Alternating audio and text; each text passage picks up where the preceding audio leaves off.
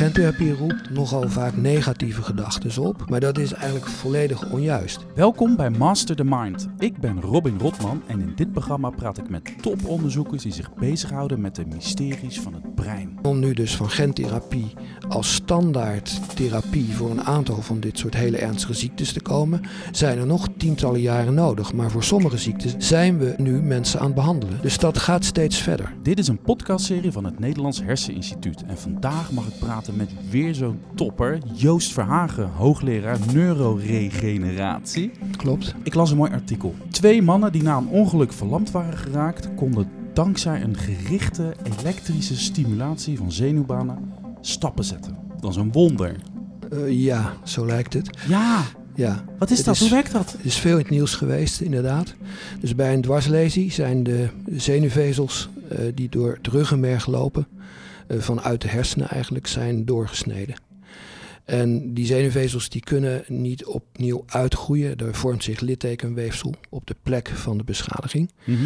En bij deze eh, patiënten eh, heeft men door middel van elektrische stimulatie eh, rond en eh, beneden het littekenweefsel de zenuwcellen weer kunnen wakker schudden, zou je kunnen zeggen. Dus men is in staat geweest om de, het lokale circuit van eh, zenuwcellen dat daar ligt onder die lesie, om dat door middel van ritmische elektrische stimulatie om die zenuwcellen weer te laten vuren. En daardoor eh, gaan de spieren van die patiënten weer bewegen. Die krijgen Maar- weer dat signaaltje, dit moet je, dit moet je. Ja, En maar dan, dan kunnen ze dus weer stappen zetten.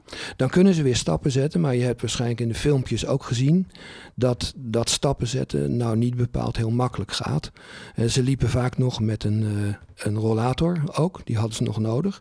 Maar voor deze patiënten was het natuurlijk wel geweldig dat ze na jaren verlamd te zijn geweest, door middel van deze elektrische stimulatietechniek, weer een klein beetje functie terugkregen. Ja, maar ik moest ook denken aan het gesprek met eh, Pieter Roefsma, uh, Roefsma Ja. dat ik gehad heb. Jouw collega die werkt natuurlijk Ja. aan een camera's die koppelt aan het brein, Ja. waardoor die blinde mensen weer kan laten zien. En. Dat is natuurlijk best wel, dat is in de beginfase, maar dan zie je dus, dan zie je dus weer iets. Dan, Ja. en dat is nog steeds niet dat je, dat, je, dat je heel strak alles goed kan zien, maar Nee. je ziet iets. Ja, En dat, is- dat is natuurlijk heel erg ontroerend voor deze mensen. En dat geldt natuurlijk hier ook. ja.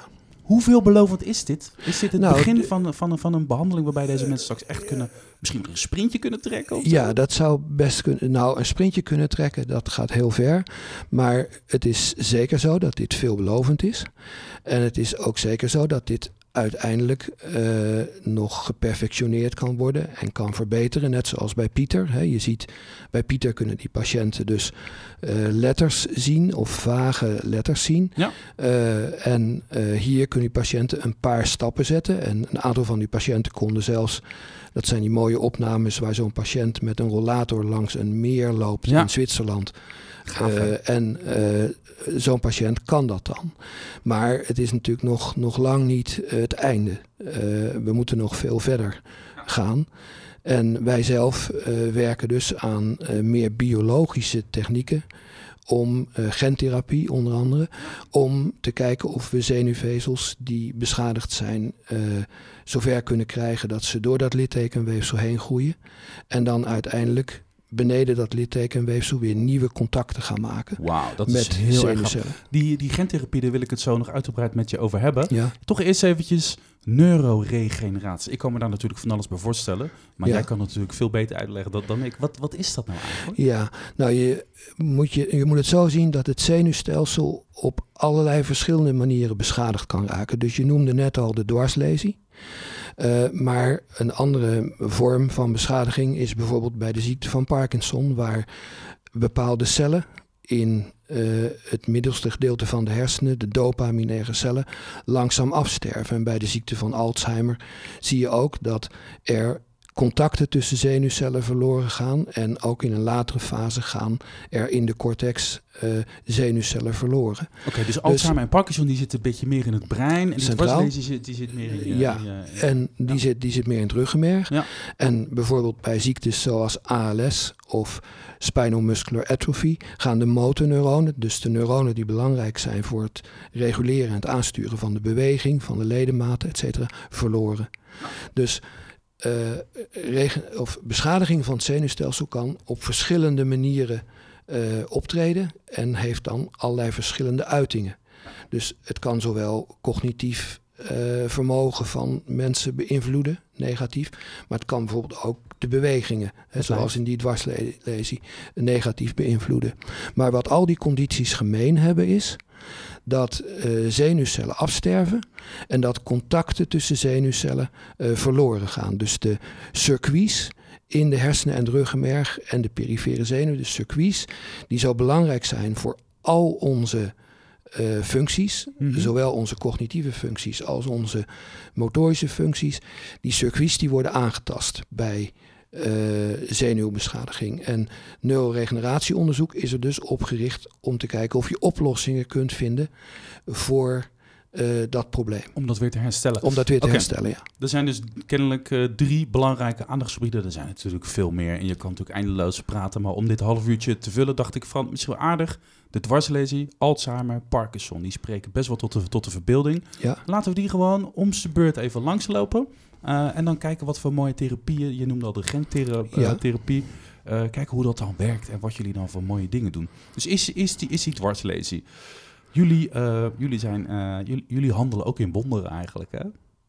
We ja, handelen ik, in wonderen? Ja, toch? Dit zijn toch wonderen die jullie verrichten? Dat Ja. zijn mensen die kunnen dan weer lopen. Ik zei het net al een beetje. Wat, wat is, is de dwarslesie, dat is een niet uh, aangeboren aandoen. Dat is vaak Nee. ongeluk. Hè? Mensen die Door vallen op rug met, met skiën, auto-ongeluk. Ja, ja. Eh, je, je, kunt, je hebt allerlei vormen van dwarslezing natuurlijk. Je hebt zowel eh lesies die echt, waar echt het ruggenmerg door eh, gesneden is, geraakt. Eh, maar je hebt natuurlijk ook lesies waarbij bijvoorbeeld zenuwen uit het ruggenmerg getrokken zijn. Waardoor eh, bijvoorbeeld mensen hun schouder of hun arm niet meer kunnen bewegen. Dus ook dit soort lesies komen in heel veel modaliteiten. Ja, dus en afhankelijk van de locatie eh, Ja. en uh, afhankelijk van de ernst eh, heeft het meer of minder invloed als hij ho- hoger zit. Ja. Is een groter deel van je lijf Ja. eh, uit, uitgeschakeld. Ja, Als hij wat lager zit en als hij wat... ja, Oké, eh, maar dat is natuurlijk een hele frustrerende aandoening. Want het is heel alles, frustrerend. alles want- werkt in principe. Het brein stuurt het ook goed aan. ja, Alleen er zit ergens zit er een, een, een, het kabeltje is doorgeknipt. Dus Ja. die, die, die, die signaaltjes komen niet aan. nee. Dat Dus- is frustrerend. Ja, dus wat we proberen te doen is natuurlijk om, hè, je noemt het woord kabel. Die kabel is dus gelijk aan eh, de zenuwvezel. Ja. De zenuwvezel is doorgenomen, is beschadigd geraakt. En we proberen die zenuwvezel weer te laten uitgroeien. Dus we proberen die zenuwvezel zover te krijgen dat die de partnercel, waar die oorspronkelijk contact mee maakte, om dat signaaltje aan door te geven, dat die zenuwvezel weer naar die partnercel toegroeit Dat ze weer gaan connecten. dat ze weer gaan connecten. Dus je probeert het circuit dat is aangetast eh, te herstellen. Ja. Ehm, En wat is dan die gentherapie? Want je wilde dat heel graag vertellen. Dat zei je ook Ja, al vo- voordat ja. we deze opname starten. Zei dat gentherapie, die, wil ik echt hebben. Nou, oké, voor de draad gentherapie, ermee. gentherapie ja. nou, eh, kijk, hoe eh, het lichaam heeft eh, de beschikking over een heel aantal genen die betrokken zijn bij regeneratie. Ehm, die genen die coderen bijvoorbeeld voor neurotrofe factoren. Dus dat zijn factoren die het overleven van zenuwcellen stimuleren, maar ook de uitgroei van eh, beschadigde zenuwvezels kunnen stimuleren. Oké, dus, dus, dus, Dus- eh, even, even, even als ik het goed begrijp. Ja, mijn lijf, het lijf van ons allemaal, heeft in principe eh, de kwaliteit en, en, en, en het vermogen om, om zenuwen te laten aangroeien. Om dat te herstellen zelf als er ergens iets misgaat. Zeg- Ja, ja dat, dat dat, klopt. is al, dat is al briljant genoeg eigenlijk, hè? Eh, Ja, bijvoorbeeld in het perifere zenuwstelsel, dus in de zenuwvezels die aan het ruggenmerg en aan Ja. eh, zo van, vanuit het ruggenmerg naar de, naar de ledematen lopen. Mhm. Die perifere zenuwen die hebben een relatief groot vermogen nog steeds om te regenereren.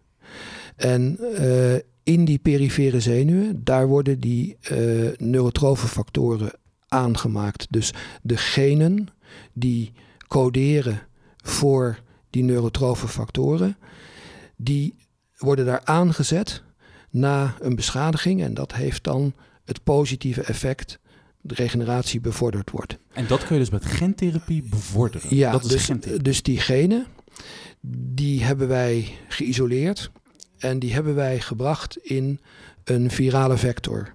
En dat is de tool die je nodig hebt om zo'n gen uiteindelijk in een lichaamscel tot expressie te brengen. Dus misschien moet ik Een dat... virale vector, help me Ja. eventjes. Een virale vector, ik illustreer dat wel aan de hand van, eh, van dit eh, model. Ik zie hier een, eh, een, een, een, een, een bolletje met allemaal puntjes erop aan. Ja, een puntje erop. Misschien als je dit zo ziet, dan denk je, nou, ik zie hier een coronavirus. Nou, dit is, dit is niet een coronavirus, dit is een ander virus dat we in het lab gebruiken als drager van genetisch materiaal, van zo'n gen dat codeert voor zo'n trofefactor. Mhm. En die drager, dat virus, is nodig om dat gen cellen in te Op krijgen de plek van bestemming. op de plek van bestemming te krijgen. Juist. Eh, en die plek van bestemming is dus in dit geval, waarbij je gentherapie wil toepassen om regeneratie te bevorderen, is de beschadigde zenuw of het beschadigde ruggenmerg. Die virale vectoren, dat is heel veel werk geweest om die te ontwikkelen. Dat heeft wel 25 tot 30 jaar geduurd voordat we in het veld virale vectoren hadden die inderdaad veilig zijn. Maar dat is toch gaaf, hè? Dan heb je dus... eh, eh, we kennen nu inmiddels allemaal... hebben we kennis gemaakt met het, het virus eh, corona. Ja, Dat verziekt je lijf, hè? ja, Maar er is al een tijdje lang zijn jullie wetenschappers dus bezig om dat virus... wat natuurlijk een heleboel ellende kan veroorzaken... om dat gewoon voor ons te laten werken. precies. In plaats dat het een, een ellende brengt in het hele lijf... Ja, brengen jullie gewoon eh, middelen dat lijf binnen... om te zorgen dat eh, zenuwen weer gaan regenereren. Ja. gaan opnieuw gaan aangroeien. ja, dat is dus niet het coronavirus. Nee, juist We niet, gebruiken nee. daarvoor een, een heel bijzonder virus, het adeno-geassocieerde virus. Dat is een heel klein virus. Mhm. En dat virus dat kunnen we produceren met alleen het gen van interesse erin. Dus met alleen het therapeutische gen erin. En geen toxische, schadelijke virale genen daarmee in. En daarom wordt dat eh, AAV-virus, dat adeno-geassocieerde virus, dus echt een tool om te genezen. Oké, om dus- dus- genezing tot stand te Dus we brengen. hebben nu die, eh, die, die twee mannen al. Dat ging met elektrische stimulatie. Hoe dat precies werkt, laat ik nu even in het midden. Dan hebben we deze methode. eh, we brengen dat, eh, dat, dat, dat virus, met, met, met, brengen we dat lijf in. Dat gaat ook werken. Ja. Wat zijn op dit moment daarmee de resultaten? Hoe, hoe, ver- wat, waar staan we dan nu? Ja, nou, als we even eerst naar ons eigen onderzoek kijken, dan zijn we in staat om, als we een beschadiging maken vlak bij het ruggenmerg, en dat is dan een model voor de zogenaamde plexus brachialis lesie, dat is een lesie waarbij de zenuwen uit het ruggenmerg zijn getrokken. Normaal is het dan zo, als je daar niks aan doet, dan sterven de motorneuronen af en zo'n patiënt blijft verlamd. In een rattenmodel voor dit type lesie zijn we in staat om de motorneuronen te laten overleven door daar een virale vector bij te brengen die een groeifactor maakt. Die groeifactor noemen we GDNF, Glial Derived Neurotrophic Factor. En die groeifactor, die wordt daar dan rondom die motorneuronen aangemaakt, omdat het virus dat gen naar binnen heeft gebracht in cellen die daar liggen, uitgescheiden. En die groeifactor die redt echt die motorneuronen. Oh, wauw. Dus we zijn in staat om eh 80% van de motorneuronen die normaal afsterven te laten overleven. Maar dan heb je nog een stap nodig daarna. En dat is dat die motorneuronen ook een zenuwvezel gaan vormen. De zenuw in richting de spier. Mhm. En daar zijn we wat minder ver. Want eh, als je normaal 100 axonen hebt die zo'n spier innerveren, zijn we nu in staat om ongeveer 10% daarvan, 10 tot 15% daarvan, terug te laten groeien naar de spier. Dit lijkt ook weer op wat die Roelfsema tegen mij vertelde. Dat is trouwens een leuke podcast. Als je dit interessant vindt, ook een leuke. Want die zei ook, ehm, eh, je hebt een, ongeveer een miljoen pixels in, jouw Ja. in, jouw in jouw oog. eh, en, en, en zij zitten nu op 1000 tot 10.000, hè? Ja. kunstmatig. Dus dan, dit is een beetje primitief, eh, zeg Ja. ik on, on- oneerbiedig. Maar dat is wat jij nu ook eigenlijk Ja. zegt. ja, Eh, maar het is natuurlijk een iets... Ja, maar het is natuurlijk een basis voor meer. Ja, Eh, dit dus, is het natuurlijk. Je hebt nu 10%, dat is nou ja, 20. eh, kijk, het lijkt niet makkelijk te zijn om nu van 10 naar 20 en naar 50 te komen. Maar daar werken we wel aan. Kijk, en dat is het. Zo begint het dus. Uh, ja, zo begint het. Op fundamenteel niveau kan het. op fundamenteel niveau kan het. In een proefdier kan het. Maar je moet je wel voorstellen wat er nog voor komt kijken om dat naar de mens te vertalen. Hè? Want een, uh, een ratten achterpootzenuw is 10 centimeter lang. Mhm. En een mensenzenuw is 80 centimeter lang. Dus dat is al een factor 10 eigenlijk. Eh, die, je dus, eh, waar, die weg is dus een factor 10 langer die je moet afleggen. Het duurt dus ook veel langer. Dat wil zeggen dat de eh, degeneratie in die zenuw ook veel groter is. Dus daar is fibrose, et cetera. En Ja, om door dat fibrotische zenuwweefsel heen te groeien, daar is heel veel voor nodig. Heel veel extra's nog voor nodig. Als je nou een beetje mag op, opscheppen, hè? je zit nu op 10%. Ja. Over, over, over 20 jaar. Doen ze gooien. Nou, over twintig jaar dan eh, denk ik toch wel dat we stukken verder zijn. 40, Eh, 50? Ja, ja een beetje nou flauw is dit. Dat maar is, gewoon dat is, je, wil, je wil dat ik heel nauwkeurig word, maar Nee, ik denk maar- zeker dat er weer dat er, dat er duidelijk weer stappen gezet zijn. Over twintig jaar zeker. Oké, die elektrische stimulatie hebben we dus. We hebben dit, eh, deze me- methode. Gentherapie, ja. Waar ik nou een beetje aan moest denken. ehm, ik, ik lees natuurlijk ook wel eens van die verhalen dat er eh, ledematen aan het brein, eh, kunstmatige ledematen aan het brein worden gekoppeld. En dan heb je Ja. zo'n zo'n sol- soldaat die is zijn arm kwijtgeraakt omdat hij op een Ja. is gestapt, whatever. En dan kunnen ze die arm ook weer aan het brein koppelen. Ja, Eh, dat is ook weer dat je kun- kunstmatig die verbinding tot stand brengt. Ja, is dat maar ook dan- iets waar jij aan, aan werkt? daar werken wij niet aan, maar dat lijkt een beetje meer op wat Pieter ook doet natuurlijk. Precies. Dus eh, daar eh, koppel je elektrische activiteit van het brein, de natuurlijke elektrische activiteit van het brein, eh, weet je zodanig te vertalen dat zo iemand zo'n artificiële arm weer kan eh, laten eh, bewegen. Ja. Maar dat zijn natuurlijk weer nog weer ernstiger letsels. Hè? Daar is Ja. de hele arm verloren gegaan. Precies. Maar ook dat zijn natuurlijk ontwikkelingen die snel gaan.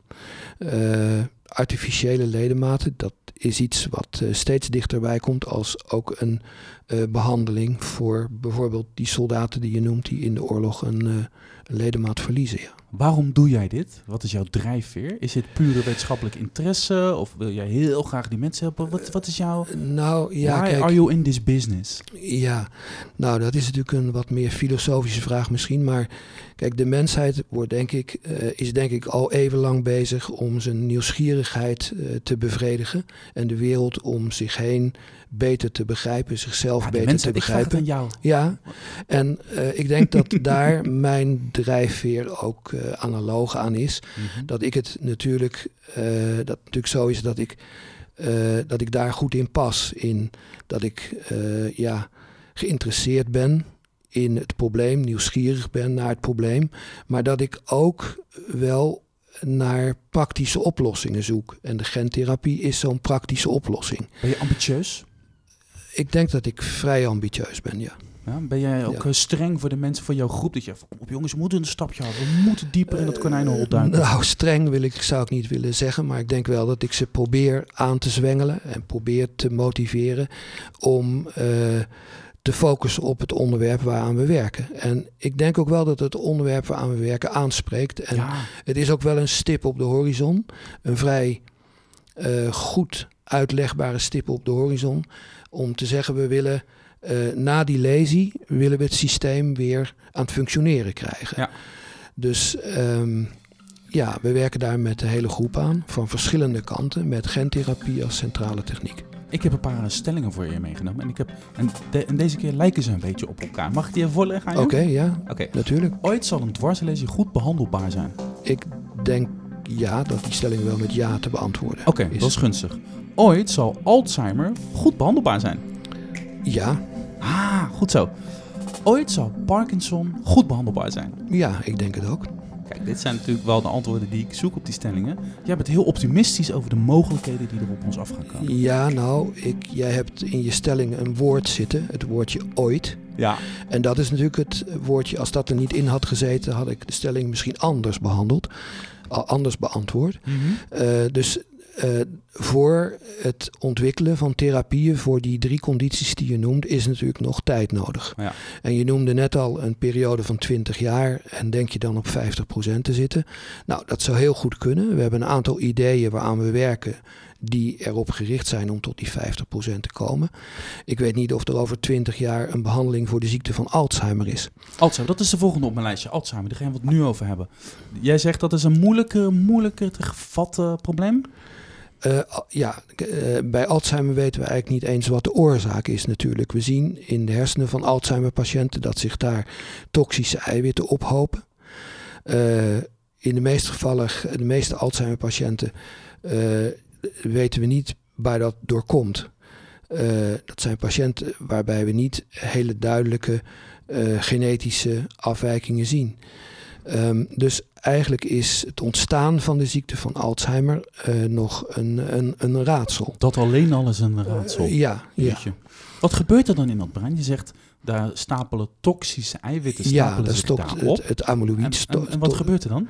Ja, en die toxische eiwitten die hebben blijkbaar dus een, uh, of een, een, een, een slecht effect op de cognitieve vermogens en op het geheugen mm -hmm. van mensen.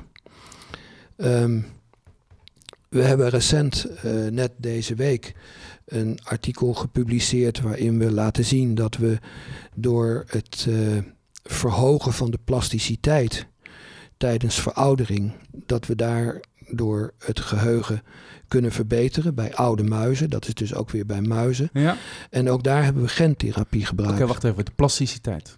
Wat is dat? Wat, Plasticiteit is eigenlijk te definiëren als het vermogen van de hersenen om zich aan te passen aan uh, andere omstandigheden. Dus uh, je zou je kunnen voorstellen dat bij Alzheimer-patiënten, uh, dat als Alzheimer-patiënten in staat zouden zijn om zich aan te passen aan of te reageren op die toxische eiwitten Mhm. en plasticiteit zouden kunnen verhogen in de hersenen van Alzheimer-patiënten, dat dat voor die Alzheimer-patiënten heel goed zou zijn. Dat, ze gaan dat, die, dat het brein gaat improviseren als het ware Ja. en op een andere manier zichzelf gaat inzetten Weet, om, precies. om te detouren eigenlijk. Weet, weet om te gaan met, eh, met, de, met, de, met de schade die daar door die toxische eiwitten wordt aangericht. En die plasticiteit, die kan je dus eh, helpen of stimuleren, wederom met behulp van gentherapie? Of is dat Ja. een beetje de belofte?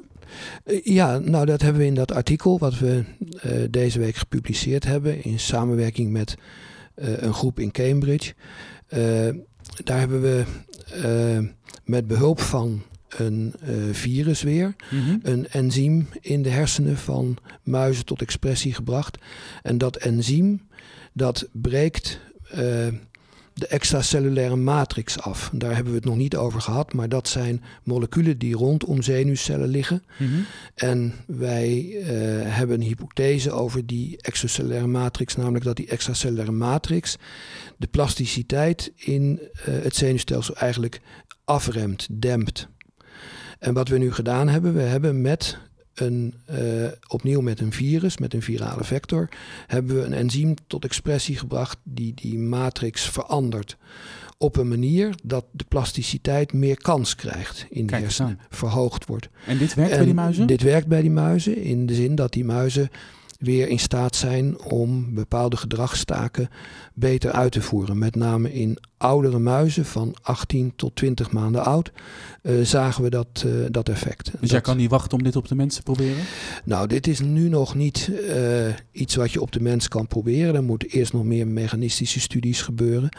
Maar het is wel iets waar we heel actief aan door willen werken. Dus we hebben een vrij groot project waarbij we proberen eh, die extracellular matrix op verschillende manieren aan te pakken, te modificeren. eh, in de hoop dat we daarmee eh, leergedrag en geheugen kunnen, kunnen bevorderen. En dat doen we dus ook weer met gentherapie. Wauw. Hoe, hoe deden we dat hiervoor dan? Want gentherapie is relatief nieuw. Ja. Je zegt, we, we, zijn er al 20, 30 jaar, zijn we als wetenschap, zien we po potentie hiervoor. Maar nu zijn we pas echt aan het onderzoeken om, om het te testen, zeg maar, hè? In, in, in, in muizen en, uh, nou ja, muizen, wat je net zegt. Hoe deden we dat hiervoor dan eigenlijk? Wat, hoe, hoe gingen we dan ermee mee om? Nou, hiervoor, je bedoelt, uh, kijk, de, de gentherapie is natuurlijk iets wat zich over de laatste 30 jaar ontwikkeld heeft. Ja. En eerst richtte zich dat op ziektes die erfelijk zijn. Uh, uh, en met vectoren die nog niet zo goed werkten. De laatste 15 jaar zijn er vectoren tot, beschikking, tot onze beschikking gekomen die we kunnen gebruiken ook op een veilige manier in de hersenen zelf. En er is nu zelfs een hele uh, belangrijke nieuwe ontwikkeling voor hersenonderzoek en gentherapie. Dat is namelijk een klasse vectoren die je kan toedienen via de bloedbaan en die dan over de bloed-hersenbarrière wordt getransporteerd en dan daar de zenuwcellen opzoekt en het therapeutische gen aflevert in de zenuwcellen van de hersenen. Ja. Dus dat is eigenlijk een non-invasieve manier om uh, genetisch materiaal, therapeutisch genetisch materiaal, toe te dienen aan de hersenen van muizen in, eh, in, in ons geval. Maar uiteindelijk misschien ook uh, zouden dat bij mensen kunnen toepassen. Ja, dat is toch amazing hè? Ja, dus het feit dat je niet meer uh, dat je de chirurg eigenlijk niet meer nodig hebt om de vector toe te dienen, maar dat je de vector nu kunt toedienen via de bloedbaan. En dat is dus een, een nieuwe vector, die is ontwikkeld in de Verenigde Staten, in Caltech, maar die gebruiken wij nu ook om een aantal therapeutische genen, uh, ofwel uh, in Alzheimer-modellen, ofwel in schademodellen. Dus in die dwarslezingmodellen die we net ook besproken, toe te dienen. We gaan naar de rubriek Vraag het Zwaap. Elke aflevering van deze podcast uh, heb ik een uh, luisteraar die een vraag wil stellen aan Dick Swaap. Um, en dit keer heb ik Judith Abma, die via Facebook uh, van Dick wil weten... Wat gebeurt er in je hersenen als je onder narcose gaat? En hoe kan het dat ze een stofje in je spuiten en dat twee, twee seconden later het licht uitgaat en dat je weg bent? Ja, ik zeg altijd, narcose is een net niet dodelijke vergiftiging van het zenuwstelsel. Dat, de stoffen die ontwikkeld zijn, die uh, zijn zo ontwikkeld dat ze snel werken. En dat ze um, werken op die gebieden die uh, met het bewustzijn en pijnsensatie te maken hebben. Maar de andere gebieden in de hersenen die worden door deze stoffen ook wel aangegrepen. Vandaar ook dat je na een narcose niet onmiddellijk lekker voelt. Dat, dat duurt wel een tijdje voordat je van die vergiftiging bent bijgekomen. Nou, dat was Dick Swaap. Uh, ik zag je een beetje gniffelen toen Dick zei, uh, zijn antwoord begon met... Uh, eigenlijk is narcose een net niet dodelijke vergiftiging. Dat vond jij grappig. Ja, ja, ik zag jou, er, ging er, kwam, kwam een twinkeling in je ogen. Wat was dat? Nou ja, dat is natuurlijk typisch de manier waarop Dick dat kan zeggen.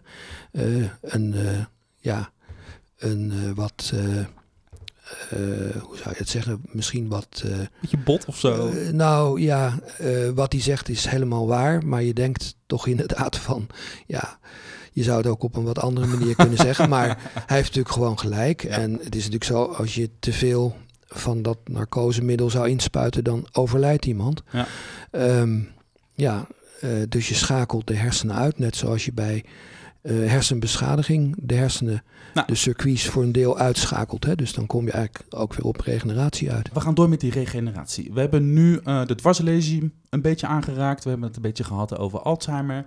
Uh, hersenplasticiteit kwam voorbij. We hebben het gehad over wat er dan misgaat bij die dwarslesie. De, de, de, de, de, de beloftes van de gentherapie hebben we aangestipt. Dan nu toch ook even Parkinson.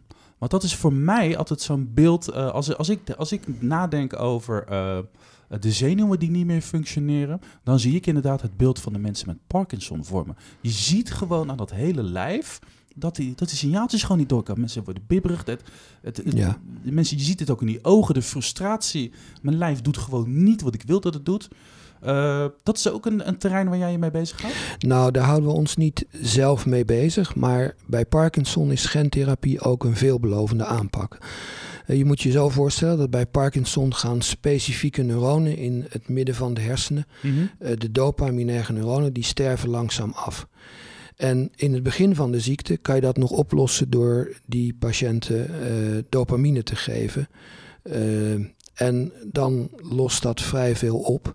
Maar ja, die cellen sterven steeds verder af. En dat artificiële dopamine dat je toedient, wordt steeds minder effectief. Dus wat je met gentherapie uh, zou willen proberen te doen, net zoals wij dat bij die motorneuronen hebben gedaan na een beschadiging, je zou die dopaminerge neuronen willen uh, laten overleven door ze te voorzien van stoffen van moleculen die ervoor zorgen dat ze overleven, zoals groeifactoren. En daar zijn al heel veel studies aan gedaan en in proefdieren is dat behoorlijk succesvol. maar bij mensen heeft dat nog niet heel erg goed gewerkt. Ook met name omdat het moeilijk is om die virale vectoren precies toe te dienen bij die dopaminerge neuronen in de hersenen. Dat is om een groepje, op de juiste plek te om krijgen. op de juiste plek te krijgen en ook om dan voldoende van dat gen, dat neurotrofe factor gen, tot expressie te brengen. Dus daar wordt nu uh, veel onderzoek aan gedaan. Dus het gaat hier eigenlijk uh, uh, anders dan bijvoorbeeld die dwarslezen, waarin het, het probleem ergens in je ruggenmerg zit. Hè? Ja. Echt de, de zenuwen daar. Ja. En, en bij Parkinson gaat het eigenlijk over het zenden vanuit het brein waar, waar het al misgaat. Ja, nou daar, daar is het zo dat in het brein dus bepaalde zenuwcellen afsterven. En die zenuwcellen die zijn dus erg belangrijk voor het, uh, voor, voor beweging, bewegingscontrole van de beweging en ook, maar ook cognitieve uh, functies hè, gaan bij Parkinson-patiënten uiteindelijk verloren. Ja. Kun, je, kun je Parkinson zien in mijn DNA of dat ik er gevoelig voor ben? Bij, bepaal, bij bepaalde Parkinson-patiënten, uh, de, de erfelijke vormen van Parkinson, kan je dat zien in het DNA. Er zijn mutaties in bepaalde genen. Nou, ik vraag het namelijk omdat ik als ik als, ik als uh, leek het woordje gentherapie hoor, dan heb ik gelijk het idee van, oh, ze gaan in mijn DNA, in mijn genen gaan ze, Ja. ze iets doen, hè, Ja. zo. Ja, Terwijl wat jij gentherapie is eigenlijk, je gaat meer genen toevoegen. Ja. Dan, je laat ze ernaast, naast je eigen bouwtekening, Ja. voeg je nog een stukje bouwtekening toe. ja. Waardoor, dat is het meer, hè? Om, om, meer. misverstanden te voorkomen. Ja, gentherapie roept inderdaad nogal vaak negatieve gedachten op. Maar dat is eigenlijk volledig onjuist. Ja. Want wat je probeert bij gentherapie is juist om eh, een gen toe te voegen aan de normale set genen die je hebt. Mhm. Eh, en dat gen codeert voor een therapeutisch Ja. eiwit. En dat therapeutische eiwit moet dan zijn goede werk doen. Die gaat gewoon de- samenwerken in- met alles wat er al was. Ja. En daarnaast heb je dan natuurlijk nog, we hebben het virus al genoemd. En dat als je dan vertelt dat daar een virale vector bij betrokken is. En dat je dus eigenlijk een mank gemaakt virus injecteert op de plek waar dat gen nodig is, dat mensen dat ook eng vinden. Hè? Want Ja. ja. virus, coronavirus, je hebt het ook al genoemd, dat is natuurlijk iets wat met iets slechts, met ziekte wordt, eh, wordt Associeer- geassocieerd. Ja. En daarom is het natuurlijk zo fantastisch dat we in staat zijn geweest om ook dat adeno-geassocieerde virus, om dat helemaal om te bouwen tot een therapeuticum. Ja. Eigenlijk. Er zijn nu een aantal behandelingen. Eh, voor spinal muscular atrophy is er een behandeling op de markt gebaseerd op zo'n virus dat bij kinderen wordt toegediend om tegen te gaan dat hun motorneuronen afsterven. Omdat het SMA-gen, het spinal muscular atrophy Mhm. gen, wordt toegediend. En verder voor blindheid, voor retinitis pigmentosa, is nu het eh, middel Luxerna op de markt. En dat is ook een AAV-vector, een adeno-geassocieerde vector, die achter de retina gespoten wordt Mhm. en daar dan een gen inbrengt en voorkomt dat de fotoreceptorcellen afsterven. Dus, dus, dat dus wat je nu eigenlijk zegt, bij een heleboel aandoeningen werkt het al beter. Wij zijn nu Met gentherapie, om, ja. om die gentherapie bij die aandoeningen die Ja. ik hier onderzoek, ja, uh, ook dat soort resultaten te behalen. precies. Uh, en dan als het gaat over uh, Parkinson, hè, waar we het nu eventjes over hebben, Ja, waar staan we dan nu? Ja, dat is altijd een vraag die ik dan belangrijk vind. Om, als luisteraar, want voor je het weet, heb jij morgen de telefoon rood gloeiend. Omdat mensen die podcast hebben gehoord en die zeggen van, mijn, mijn, mijn vader mijn moeder heeft Parkinson. Ik, ja, wij, ik zit hier te bibberen. ja. Wat, wat, kom, je met dat spul, weet je wel? Wat, Nee, nee, nee. Wij, wij, maar wij, dus voor Parkinson is het nog niet zo ver. Nee. Dus de klinische trials voor Parkinson die gedaan zijn, die zijn nog niet succesvol geweest. Eh, dat komt, één reden waardoor dat komt, is dat het toedienen van die vector daar lokaal in de hersenen toch nog wel een probleem is. De tweede reden is natuurlijk dat we de moleculaire pathologie van Parkinson, dus wat zijn nou de moleculaire veranderingen en waarom krijgt iemand Parkinson nog niet voldoende begrijpen. Dus je moet er nog beter, nog je moet dieper naar diep- kijken. dieper ingaan om te weten wat is nou het target molecuul, wat is nou het molecuul dat we willen targeten, dat we tot expressie willen brengen. Ja. Zodat je heel gericht dat kan doen. Oké, Ja. jij werkt al een tijdje in deze, in deze business. Uh, je hebt hier bij het Herseninstituut je eigen onderzoeksgroep. Je bent hoogleraar neuroregeneratie. Uh, je weet een beetje hoe dit spelletje gespeeld wordt. Uh, je bent optimistisch over de toekomst van de, de, behandelingen van deze drie aandoeningen. Je kan er waarschijnlijk nog twintig aandoeningen met mij bespreken, maar dit zijn de aandoeningen die ik even uitgelicht heb. Hoe kijk je eigenlijk naar de maakbaarheid van de mens? Ja, nou ja, die vraag die beantwoord ik eigenlijk het liefste door uh, naar het verleden te kijken en dan te laten zien dat er heel veel progressie is in de wetenschap. Hè. De vaders van de moleculaire biologie, uh, Darwin, Antonie van Leeuwenhoek die de microscoop uitvond. Mm-hmm. Daar is het eigenlijk allemaal begonnen en toen is ontdekt dat uh, erfelijke eigenschappen op DNA zitten. Hè. Mendel, Watson en Crick. En zo, denk ik, schuiven we steeds een stukje dichterbij hoe, uh, bij het begrip over hoe we in elkaar zitten. En ik denk dus dat het uiteindelijk mogelijk wordt.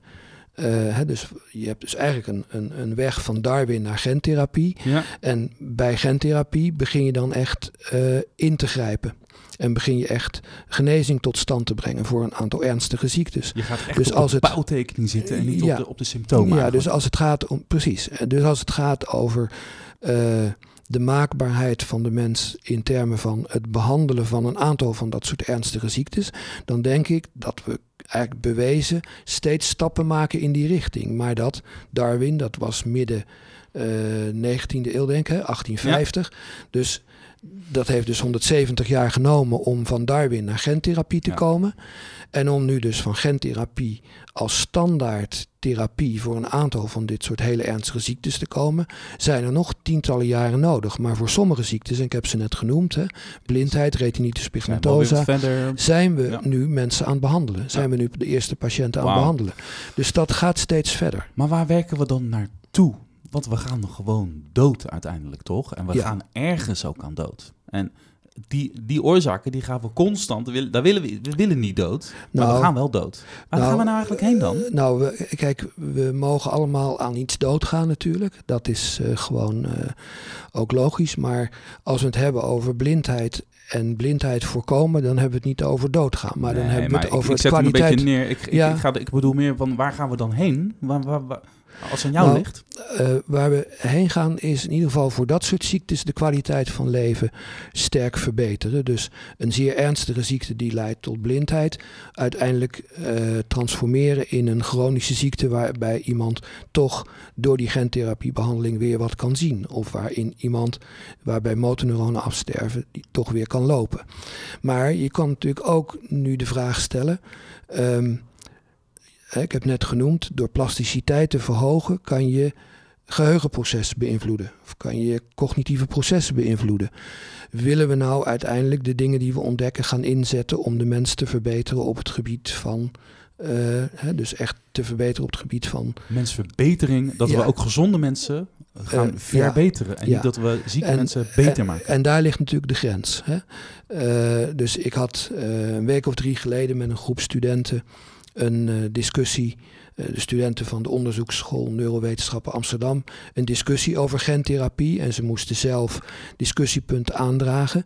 En dan eh, komt natuurlijk de vraag aan de orde. wat kan, mag dat ook? Dus, en dan blijkt, als je het dus in een rangorde zet, Mhm. dat alle studenten eigenlijk ja zeggen tegen het toepassen van zoiets als gentherapie om ernstige ziektes te behandelen. Maar dat eh, het grootste deel nee zegt als het gaat over bijvoorbeeld het veranderen van de oogkleur of het eh, verbeteren van bijvoorbeeld intelligentie. Als we dat zouden kunnen doen. En dan een gewetensvraag. Dat is dan de maak- maakbaarheid. dus als jij over maakbaarheid praat, dan gaat dus natuurlijk uiteindelijk naar die intelligentie eh, toe. Hè. Daar Dit ga je dan. Stel nou dat ik dan een student zou zijn en jij zou dit, eh, dit, dit gesprek openen, dat Ja. ethische, deze ethische kwestie. ja, Dan zou mijn wedervraag zijn van oké, stel nou dat jij naar alle andere toponderzoekers die bezig zijn met de genezing van Alzheimer, Parkinson, kanker, noem het allemaal maar op. Als we nou een, eh, een, een, een middel bedenken en je bent niet, jullie zijn zelf niet ziek als onderzoekers. We kunnen iets bedenken, een gentherapie, waardoor jullie hersenplasticiteit beter wordt, waardoor jullie beter kunnen nadenken, nog sneller dat soort spullen eh, kunnen uitvinden voor ons. Is dat dan iets wat we moeten doen of niet?